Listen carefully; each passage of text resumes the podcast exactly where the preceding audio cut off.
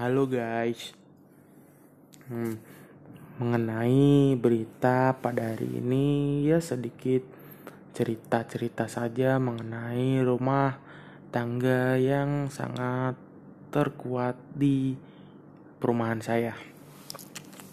Berawal dari perumahan saya yang sangat kecil, ya sekitar 10 sampai 15 rumah saja sih, nggak lebih dari 15 antara 10 sampai 15 kurang lebihnya gitu sih.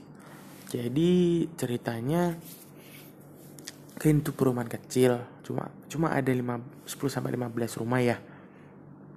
Nah gak ada gerbangnya di depan gak ada satpam gak ada yang jaga. Jadi tuh tinggal masuk aja.